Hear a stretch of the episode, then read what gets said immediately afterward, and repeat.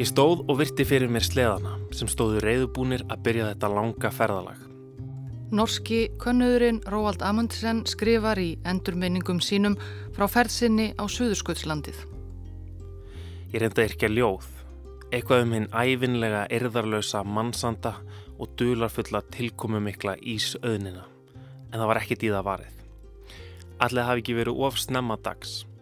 Ég gafst upp eftir að hafa komist að þeirri niðurstöðu að sleðarnir, málaðir svartir, myndu meira á líkistur en nokkuð annað.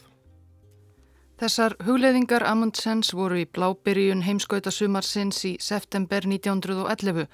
Í marga mánuðu höfðu Amundsen og norskir félagar hans hýrst í myrkri í höfðstöðum sínum á Ísbreiðunni miklu framhæm en nú var sólinn farin að láta sjá sig að nýju og tími til komin að hugað brottfur lengra suður.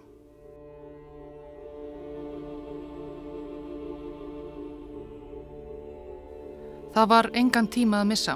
Það kvildi þungt á Amundsen að ekki svo langt undan var breskur leiðangur undir fórustu sjóherfóringjans Robert Falcon Scott að búa sig til sömu ferðar.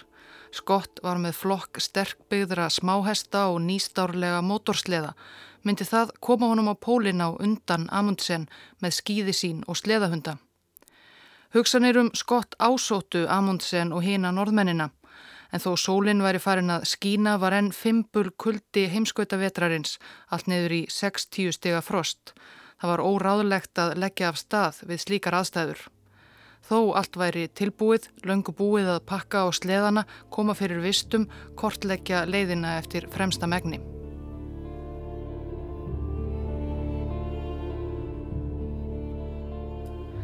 8. september 1911 var bjartur dagur og ekki nema 37 gráðu frost. Amundsen ákvaðað að leggja af stað. Rétt upp úr hádegi voru hundar spendir fyrir sjö sleða, 86 hundar alls og 8 menni, úlfa og reyndýra skinnklæðum heldu af stað á skýðunum. Ferðin gekk greiðlega í fyrstu Hundarnir, æstir eftir kyrsetu vetrarins, flugu af stað yfir ísin. En eftir fjögur að daga ferð var frostið afturfarða nálgast 60 stíg og orði mönnum og hundum næsta óbærilegt. Hundarnir hríð skulfu af kulda og hælar mannana frusu. Amundsen neytist loks til að viðurkenna að hann hafi líklega farið of snemma af stað. Það var jú enn ekki nema rétt vorbyrjun á Suðurskautslandinu. Ekkert ferðaveður, greinilega. Að stefna mönnum og dýrum í hættu af hreitni þrjósku og halda áfram bara því að við erum laðir að stað. Það myndi aldrei kvarla að mér. Ef við eigum að sigra þennan leik þá verðum við að færa taplmennina af varkárni. Einna rángur leikur og allt er tapað. Norrmennir átta skýðuðu að lokum út að áttugustu breytargráðu þar sem þeir affermdu sleðana við byrðageimslu sem þeir höfðu komið sér upp þar sumarið áður og heldu síðan aftur tilbaka heim á framhæm. Aftur í nagandi óvissuna um hvað skott væri að gera þarna hinnum einn.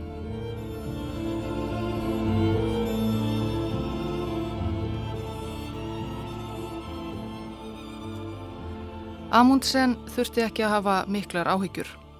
Um svipa leiti og hann snýri heim eftir þessa árangurslausu fyrstu tilraun um miðjan september 1911 var Skott rétt að leggja loka hönd á ferðaáallinu sína. Þetta var stórsókn. 16 menn áttu að hefja ferðina með hesta og hunda og mótorsleðana tvo sem eftir voru, einn hafði sokkið á hafsbotni upphafi leðangurs. En þessi fjöldi allur átti bara að fara fyrsta áfangan, suður ísbreyðuna miklu upp að 83. breytargráðu þar sem við tók mikill fjallgarður. Greiðfærasta leiðin sem Skott vissi af var yfir Jökul sem forveri hans og keppinautur Ernest Shackleton hafði uppgötuað á sinni suðurpólferð þreymur árum áður. Þar höfðu smáhestar Shackletons lendi í vandræðum svo að Skott ætlaði sér að senda hluta mannskapsins heim áður en lagtir þið á jökulinn, skjóta hestana og halda svo áfram fótgangandi. Mennirnir dræju vistasleðan eins og Shackleton hafi gert eftir að smáhestarnir gáfust upp eða hurfu niður í jökulsprungur. Þannig færu þeir yfir jökulinn og upp á sjálfa pólsléttuna, kvíta og endalösa. Skíði voru með í för en það varð ekki mikið af skíðamennsku í ferð skotts. Tryggve Gran, norski skíðagarpurinn sem landi hans Frithjóf Nansen hafði samfært skott um að taka með suður til að kenna mannskapnum að ganga alminnilega á skíðum, fekk lítið að gera og hafði raunar fljótt orði frekar gáttaðar á því hvert hlutverk hans ætti eiginlega að vera. Skott var líkt og Amundsen mjög meðvitaður um að hann væri í kaplaupi en gerði sér yngar grillur um að leggja af stað fyrir en vorið væri vel og rækilega komið og vetrar kuldin á braut. Reyndar var Skott kannski þegar búin að sætta sig við það á einhvern hátt að hann væri að tapa kapplaupinu á Suðurpólinn. Hann skrifaði einkonu sinni Kathleen Skott um þetta leiti. Ég veit ekki hvað mér á að finnast um möguleika Amundsens. Ef hann kemst á pólinn þá verður það öruglega á undan okkur þar sem hann hlýtur að fara rætti yfir með hundunum og fyrir öruglega að snemma af stað. Þess vegna ákvað ég mjög fljótt að breyta nákvæmlega eins og ég hefði gert hefðan ekki verið til. Tilraun til kapplöps hefði eðilagt áætlun mína. Eftir allt saman er það vinnan sem skiptir máli, ekki fagnadarlætin eftir á. Suðurferð Skotts hófst loksins 24. oktober 1911 Þá lagði fyrsti hópurinn af stað, mótorsleðarnir tveir með fjórum mönnum. Viku síðar, 1. november, lögðu hinnir svo á stað, þar á meðal fóringin skott og allir hestatnir og nokkrir sleðahundar. Dagarnir fyrir brottför mörguðust af ringulreið. Skott satt við stöðuver brefaskriftir hingað og þangað, bref sem eru þó ekki sendi í bráð og nokkur ólund var í mönnum hans með stjórnunans. Lorenz Oates, rittaraliðs hermaður sem hafði umsjón með hestunum, skrifaði í brefi sem ætlað var móður hans. Mér er mjög ítla við skott og ég myndi hætta þessu öllu ef við værum ekki breskur leiðangur og yrðum að sigra norðmennina. Skott hefur alltaf verið kurteis við mig og ég er þekktur fyrir að koma vel saman við hann. En í raun og veru er hann ekki hreinskilin. Það er hann umfram alla, aðrir ekkert og þegar hann hefur kreist það sem hann getur út úr manni þá verður maður að bjarga sér sjálfur.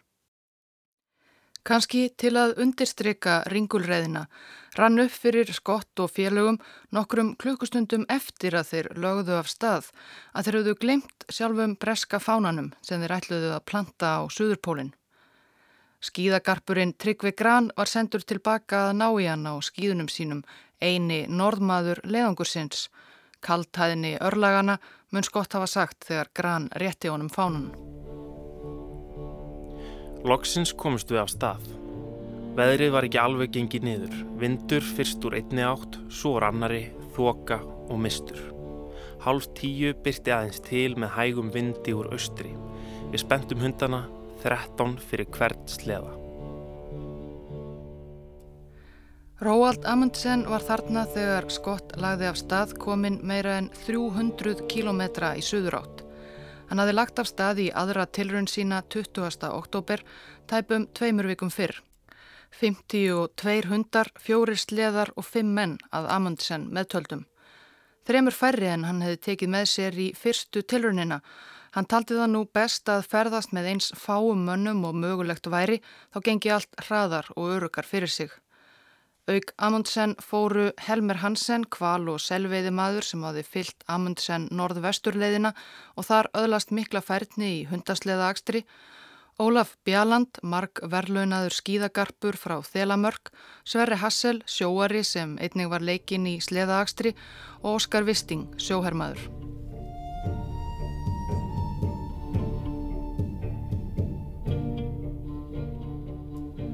Fyrstu dagarnir voru ekki þeirra auðveldustu. Það var mikill vindur og sífælt þoka sem gerði norðmönnunum erfitt fyrir að halda réttri leið en allir fánarnir og skiltin sem sett höfðu verið upp sumarið áður vísuðu þeim veginn. Nokkrum sinnum voru hundar og menn næstum lendir ofan í jökulsprungum en hundarnir ættu áfram með sleðana og hópurinn ferðaðist yfirleitt um 30 km á dag og eftir fjóra daga, 24. oktober, voru norðmennir komnir að byrðageimslu sinni á 80. breytargráðu. Þar áðu þeir í tvo daga og nutu þeirra ríkulegu vista sem þeir höfðu komið þar fyrir sumarið áður. Hundarnir hafa það gott núna, eins mikið ferst kjöt og þeir geta í sig látið Og svo geta þeir sofið eins og þeim sínist. Við höfum það gott í tjaldin okkar, hlýtt og notalegt. Höfum varið síðdeginu í að pakka á sleðana, við erum tilbúinir. Og svo var haldið aftur af stað. Svona hljómar típisk dagbókarfærsla Amundsens. Norðan góla, frábært til að ferðast. Við lögðum á stað nýju. Hundarnir voru alveg óðir. Vorum komnið 28 km klukkan eitt. Algjör luxus. Príðilegt veður, nú er ísbreðan alveg slétt. Undursamlegt að ganga á skíðunum.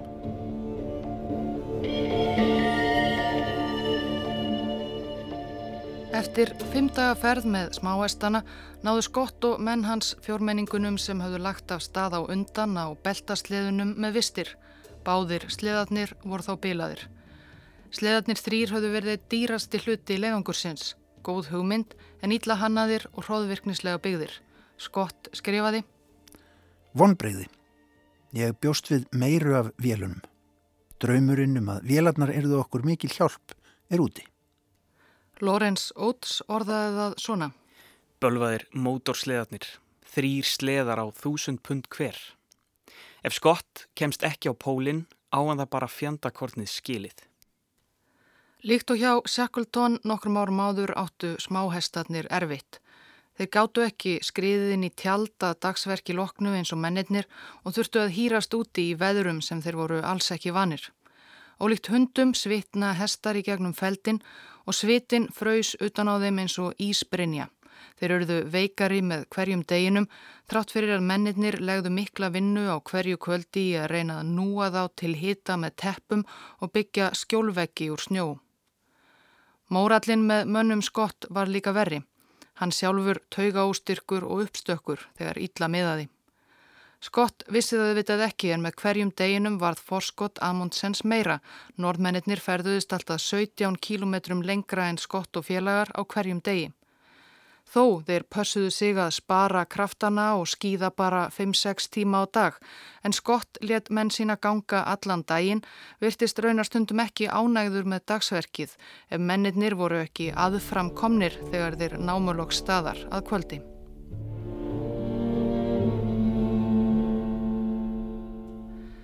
Víkjum sögunni hér stundarkorn annað.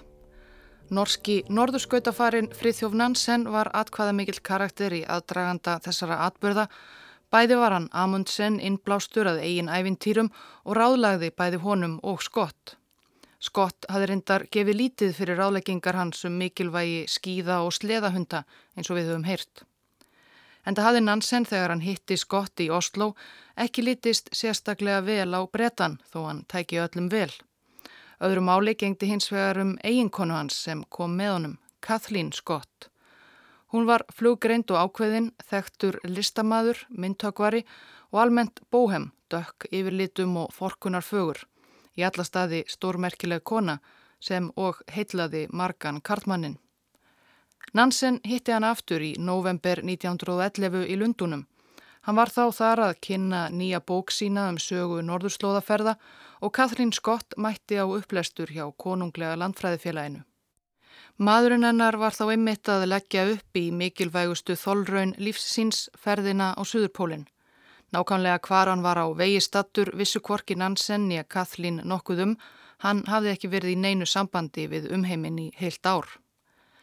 En vel fór á með Nansen og Kathleen Scott eftir upplesturinn í Lundunum og þau hittust nokkrum sinnum aftur og daginn áður en norðmaðurinn átti að halda heimáleið bauð Kathleen honum til hátegisverðar á heimili sínu eða það átti að heita hátegisverður en Nansen var fram á kvöld. Friðjó Nansen var mikið upp á kvenhöndina, tví giftur og stóð yfirleitt í framhjáhöldum þar fyrir utan Hann var líka mikið fyrir brefaskriftir, sérstaklega til Kvenna og eftir Lundunaferðina leta hann brefum Rigna yfir Kathleen Scott. Það er gott að vita að til sé kona sem er svo lík draumum manns en maður hefur enn ekki hitt. Ég hef lifað svo lengi fjarrri heiminum og verði auðveldlega ástfangin. Nú er þú eina stjarnan sem ég sé og sem ég þrái. Þegar þú varst að sína mér myndirnar og við sátum hlið við hlið, þú varst svo nálagt mér. Ég fann þig snerta hönd mína og og ég get ekki líst í hvernig mér leið þá. Og svo framvegis. Nansen hjælt áfram í fyrirlestrarferðinni, næsti áfangastæður var Berlín. Hann skrifaði Kathleen og bauði henni að heimsækja sig. Hún þáði og þau voru í viku á hótel Westminster við Under den Linden. Nansen skrifaði henni eftir á. Mér líður eins og fást sem hefur sopið af æskubrununum, orðið ungur og ný, óvænt og skindilega. Mér líður eins og ég sé að vakna fallegum, mjög fallegum draumi. Nansen var þarna 50, Kathleen 33. Æfisagnarrittur um Nansens og Kathleen Scott ber ekki saman um það hvort nokkuð ósýðilegt hafi átt sér stað millið þeirra. Í æfisögu sem barnabarn hennar, Louisa Young, skrifar fullirður hún að amma sín hafi ætíð verið Scott trú. Bríf hennar til Nansens hafa ekki varðvist, svo það er erfitt að segja.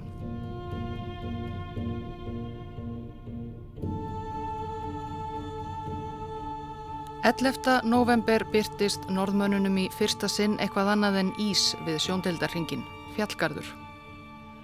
Glitrandi kvít, skínandi blátt, hrappn, svart. Landið er eins og í ævintýri. Tindur á eftir tindi, drangur á eftir dranga, skorið, vilt land, óséð og ótróðið. Það er undursamleg tilfinning að ferðast með frá fjöllunum. Amundsen nefndi fjöllin eftir maut Noregsdrottningu en þetta var hluti fjallgarðsins mikla sem myndar nú múrmilli ísbreyðunar og sjálfurar pólsléttunar. Sama fjallgarðs og skott vissi að hann geti komist yfir í gegnum Byrtmórjökulin sem flæðir niður á pólsléttunni. Amundsen vissi ekkert hvernig hann kæmist yfir þessi gríðarlegu fjöll. Engin hafi farið þessa leið áður en hann vildi ekki eigða dýrmætum tíma kapplupsins í langar konunarferðir fram og tilbaka svo hann helt eiginlega bara beint af augum. Norðmönunum til haps þurftu þeir ekki að leita lengi að litlum jökli sem rann á milli tindana, ekki sérlega greiðfærum en sem leitið á beint upp á slettuna á þremur dögum. Komnir þangað 21. november áðu þeir, skildu eftir vistir til heimferðarinnar og skutu stóran hluta hundana. Mönnunum erfitt verk, Dýrin voru ornir þeirra bestu vinir. Þetta var erfitt en varð að vera. Við urðum að ná takmarki okkar, hvað sem það kostaði. Þarna heyrði ég fyrsta skotið. Skot á eftir skoti. Þetta hljómaði hróðalagi auðninni. Diggur þjótt týndi lífi í hverju skoti. Háttíðarstemningin sem hefði átt að vera í tjaldinu þetta kvöld, okkar fyrsta á sléttunni, hún let ekki sjá sig. Það var eitthvað þrúandi og ömurlegt í loftinu. Við vorum orðnir svo hrypnir af hundurum okkar. Við köllum búðirnar sláturhúsið. En eftirlifandi hundar fúlsuðu ekki við því að fá loksins ferst kjött þó það væru félagar þeirra og hrestust mjög. Það gerðu líka mennirnir sem fengu sömu veislu.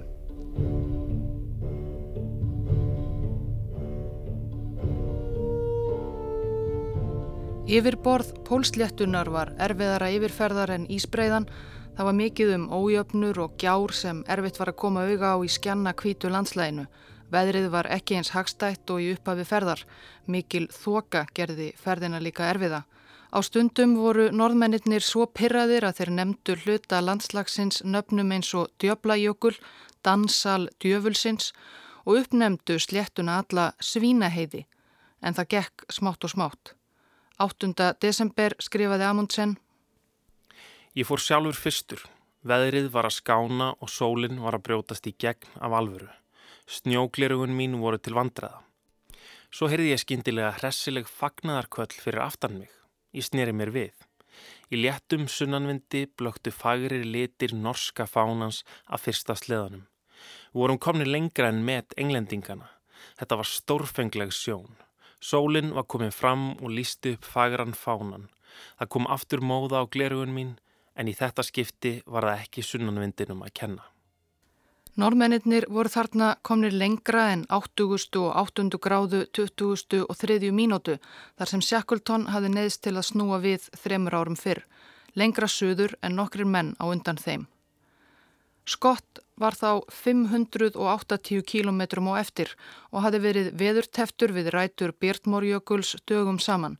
Dægin eftir komust leiðangursmenn loks af stað upp jökulinn í gegnum þykkan snjó. Áttað kvöldi voru smáhestarnir alveg búnir á því, hver einn og einasti.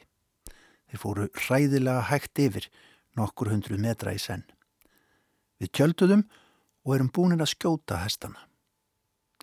Greiskeppnurnar hafa staðið sig undursamlega vel miða við þær erfiðu aðstæður sem að þær unnu í. En samt er erfitt að þurfa að drepa þær svo snemma. Hundarnir voru líka sendir aftur heim í bækistöðvarnar um svipað leiti á samt hluta leðangursmanna. Það sem eftir er færu mennirnir fótgangandi og dræju þungan vistasleðan saman. Aðeins fimm menn færu svo í loka orustuna yfir pólsléttuna, Skott sjálfur, Lawrence Oates, vísindamæðurinn Edward Wilson, sjóherrmaðurinn Edgar Evans og sjóarinn Henry Bowers.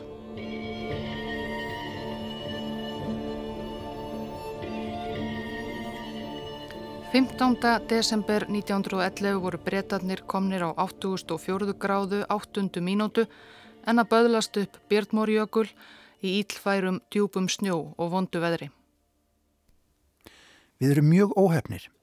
Bið til himnana að þessi ömurlegi snjór verði ekki á versta hluta jökulsins sem er eftir.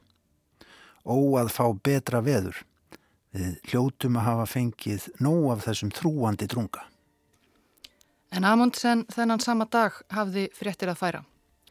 Þá eru við komnir og gátum reist fána á landfræðilega Suðurpólnum, sléttu Hákon sjöunda, Guðisílof. Klukkan var þrjú síðdeis þegar við komum. Normennir fimm hafðu ferðast tæpa 1300 kilometra frá framhæmi í Kvalaflóa á 55 dögum og voru komnir á pólinn fyrstir manna. Það var þeim léttir að sjá þar engan breskan fána blakta. Ólaf Bjalland, skíðagarpur ferðarinnar, skrifaði til móður sinnar í dagbók sína. Já, ef þú bara vissir, mamma, og Samund og Torni og Sveitn og Helga og Hans, að nú sitja hérna á Suðurpólnum og skrifa Þið myndu fagna. Hér er eins flatt og í morgendal og gott skíðafæri.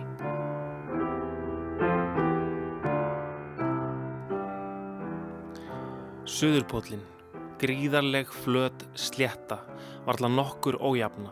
Sólinn skín á skílausum himni. Það er afar friðsælt. Allir hundarnir liggja flatir í hitanum og njóta lífsins. Við sjáum marga kílometra í allar áttir og höfum verið yðnir við sjónökan í leitað ummerkjum um líf einhver staðar, án árangus. Við erum sko fyrstir hér. Það er klárt. Amundsen skrifaði svo reyndar síðar. Aldrei hefur maður náð markmiði sem er svo fullkomlega andstætt óskumans. Svæðið í kringum Norðupólinn, fjandin hafiða, hafi verið mér hugleikið síðan í bernsku og nú var ég komin á Suðurpólinn. Gæti nokkuð verið rugglara.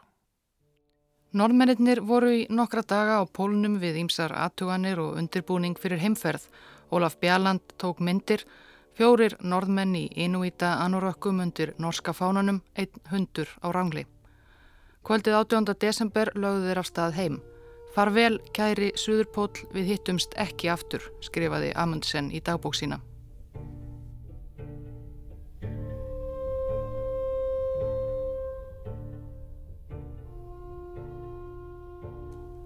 Skott komst upp á pólsléttuna 20. desember. Í dagbækur sínar skrifuðu breytarnir þá um þunglindi og heimþrá og krankleika. Þeir voru á nefafarnir að þjást af ímiskonar vitaminskorti. Vistir þeirra voru ekki nógu góðar eða miklar.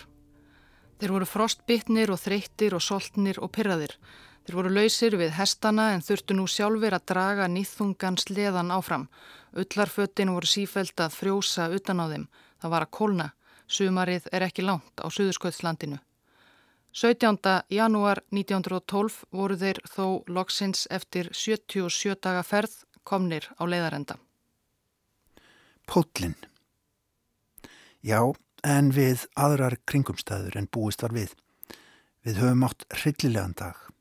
Almáttugur. Þetta er ömurlugur staður og hryllilegt að við skulum hafa strítað hingað án velunana að vera fyrstir. Jæja, þó eitthvað að hafa komist hingað. Á pólunum beigð þeirra lítið tjald og norskur fáni. Það kom ekki á óvart. Dægin áður höfðu breytarnir séð skíðafur og hundaspor í snjónum og önnur merki um mannaferðir og voru því búinir að sætta sig við málaliktir. Lorenz Oates skrifaði Skott tekur ósegrinum miklu betur enn í helt. Amundsen, ég verð að segja að sá maður hlýtur að vera með höfuð rétt skrúfað á. Norsararnir virðast hafa átt þægilegt ferðalag með hundunum. Allt annað en okkar ömurlega sleðatók. Þeir voru rúmum mánuði á eftir norðmönunum.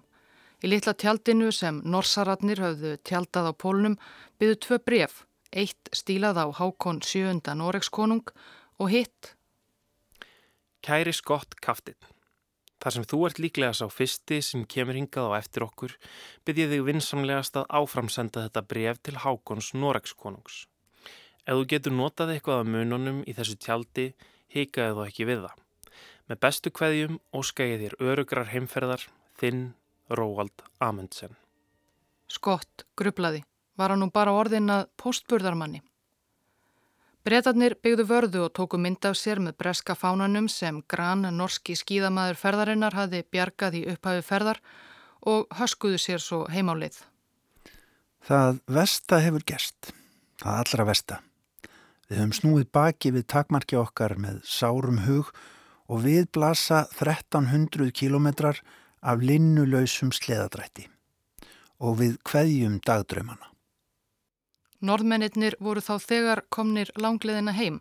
Hún hafi gengið nokkuð greiðlega og áttu þeir aðeins um viku ferð eftir til félaga sinna í Kvalaflóa.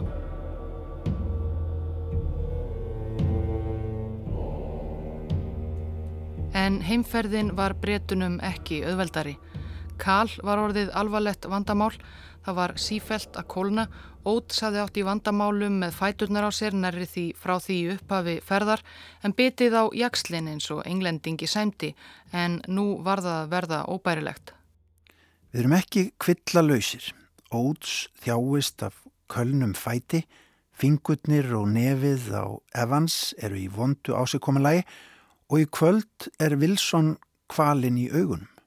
Báers og ég eru einu menninir í floknum á nokkura vandamála sem stendur. Það var alltaf eitthvað. Fingurnir á Evans, Öxlin á Scott, fæturnir á Oates. Meðal leðangursmanna var einnig Edvard Wilson, aðal vísindamaður leðangursins, sem hafi leitt galinn leðangur eftir keisaramörgæsaeggjum veturinn áður. Þegar breytarnir komist loks nýður á pólsléttunni og byrjuði að fikra sig nýður Björnmór jökulinn í februar byrjun 1912 og máttu engan tíma að missa með að við vistir og líkamlegt ástand, Leifði Scott Wilson enguða síður að taka sér heilan dag í að sapna steinsínum og hlaða 14 kílóum af grjóti á sleðan. Það verður ekki hjá því komist að við draugum ekki vel. Líklega engin okkar. Wilson á í vanda með fótin á sér og hann tristi sér ekki á skýði. En sá vesti er Evans sem að gera okkur mjög tauga ústyrka. Hann er svangur og Wilson líka. Það var langt á milli hverjar byrðageimslu og ólíkt geimslum norðmannana sem hefðu sett upp ótal flögg allt í kring til að tryggja að aðframkomin ferðalangur misti öruglega ekki af þeim, voru bresku geimslutnar ítla mertar svo það var auðvelt að missa af þeim. Dýrmætur tími fór í að leita að geimslunum með erfiðismunum. Þegar þeir fundu þær voru þær svo yfirleitt vonbreyði, of litlar vistir fyrir fimm aðframkomna menn, of lítil ólíja til að bræða nægilegt vatn. Skott hafði misreiknað allt. 17. februar ætti Evans fyrirvara lausti í burt frá félögum sínum. Þeir fundu hann aftur nokkur síðar á njánum í snjónum, búin að rýfa sig úr vettlingunum og kalin á höndum, vitandi varðla í þennan heim eða annan. Þeir komu honum inn í tjald en hann lést ekki löngu síðar, fyrsta döðsfall leiðangursins. Þeir mjöguðust áfram með sleðan, stundum ekki nefna örfáa kílometra á dag. Við tölum ekki um mikið annað en mat.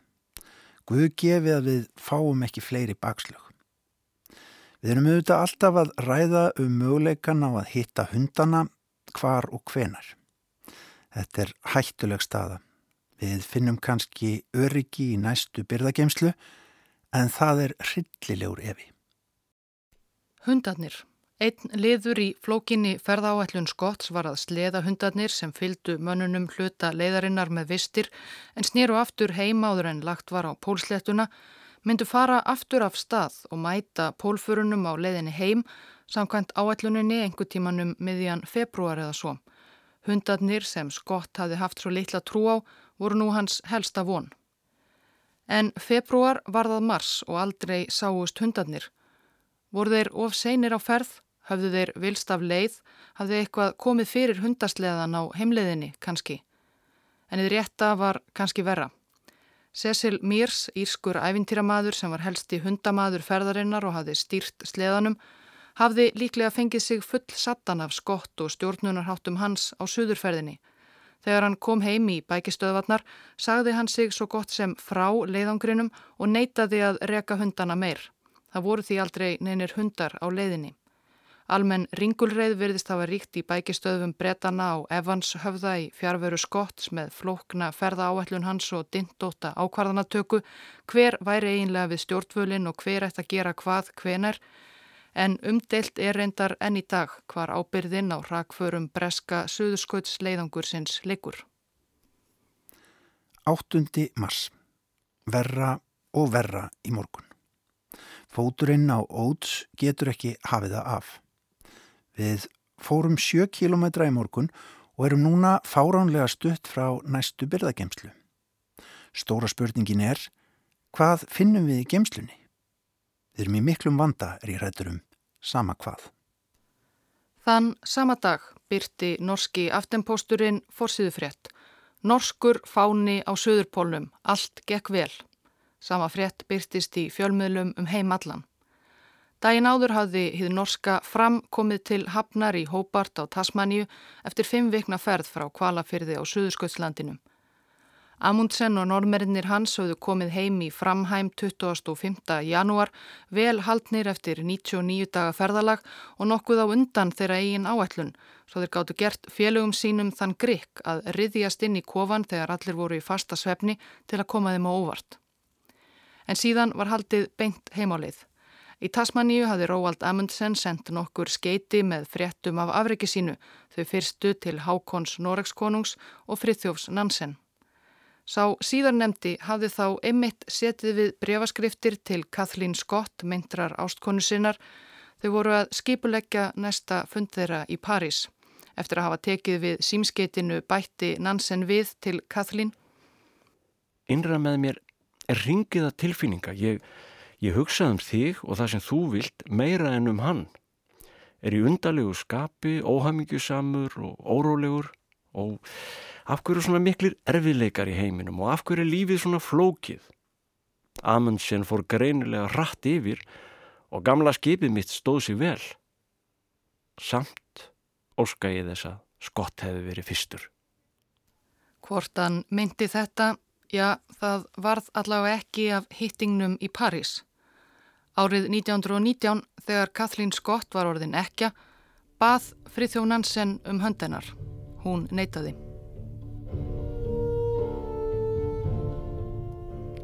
Sextandi mars eða 17. Veit ekki lengur hvað tímanum líður. Eintómur harmleikur. Á hádegi fyrra dag saðist Veslings Óts ekki geta haldið áfram. Hann stakk upp á því að við skildum hann eftir í sveppbúkanum. Við fengum hann af stað. Þrátt fyrir að það væri honum ægilega erfitt, barðist hann áfram og við komumst nokkra kílometra. Um kvöldið var hann verri og við vissum að endalokkin nálguðust. Hann svaf þá nótt, í vonum að vakna ekki, en vaknaði um morgunin í gær. Það var kavald spilur úti. Hann saði Ég ætla aðeins út og verð kannski einhver tíma. Hann fór út í bylinn og við höfum ekki séðan síðan.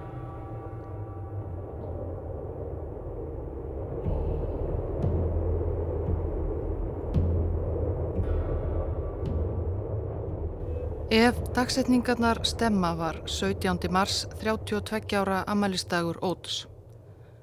Bretarnir voru þá þrýr eftir Án ót sem hafi verið þeirra veikastur gáttu þeir farið aðeins hraðar yfir, þó ekki mjög.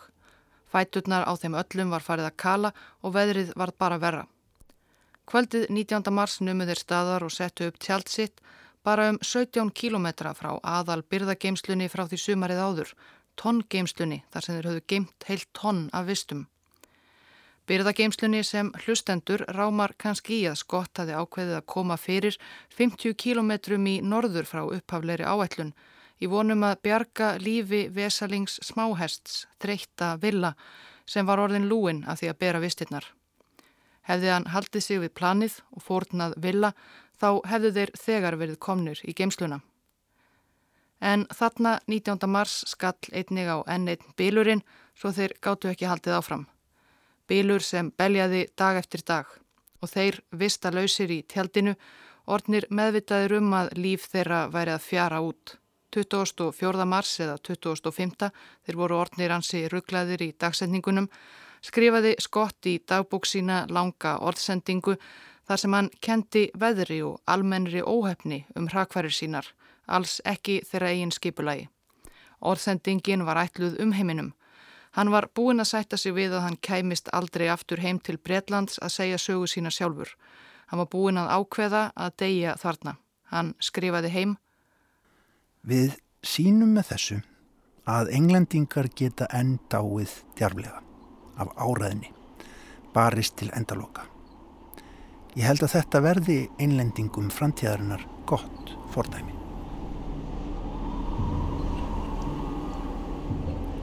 Tuttugasti og nýjöndi mars. Ég hugsa að við getum ekki vonast eftir nokkru betra úr þessu. Við höldum þetta út fram að lokum en við erum orðnir veikburða, auðvitað. Og endalókin geta ekki verið langt undan. Það er leitt, en ég held ég get ekki skrifað meira. Robert Scott Í Guðsbænum hugsið um fólkið okkar.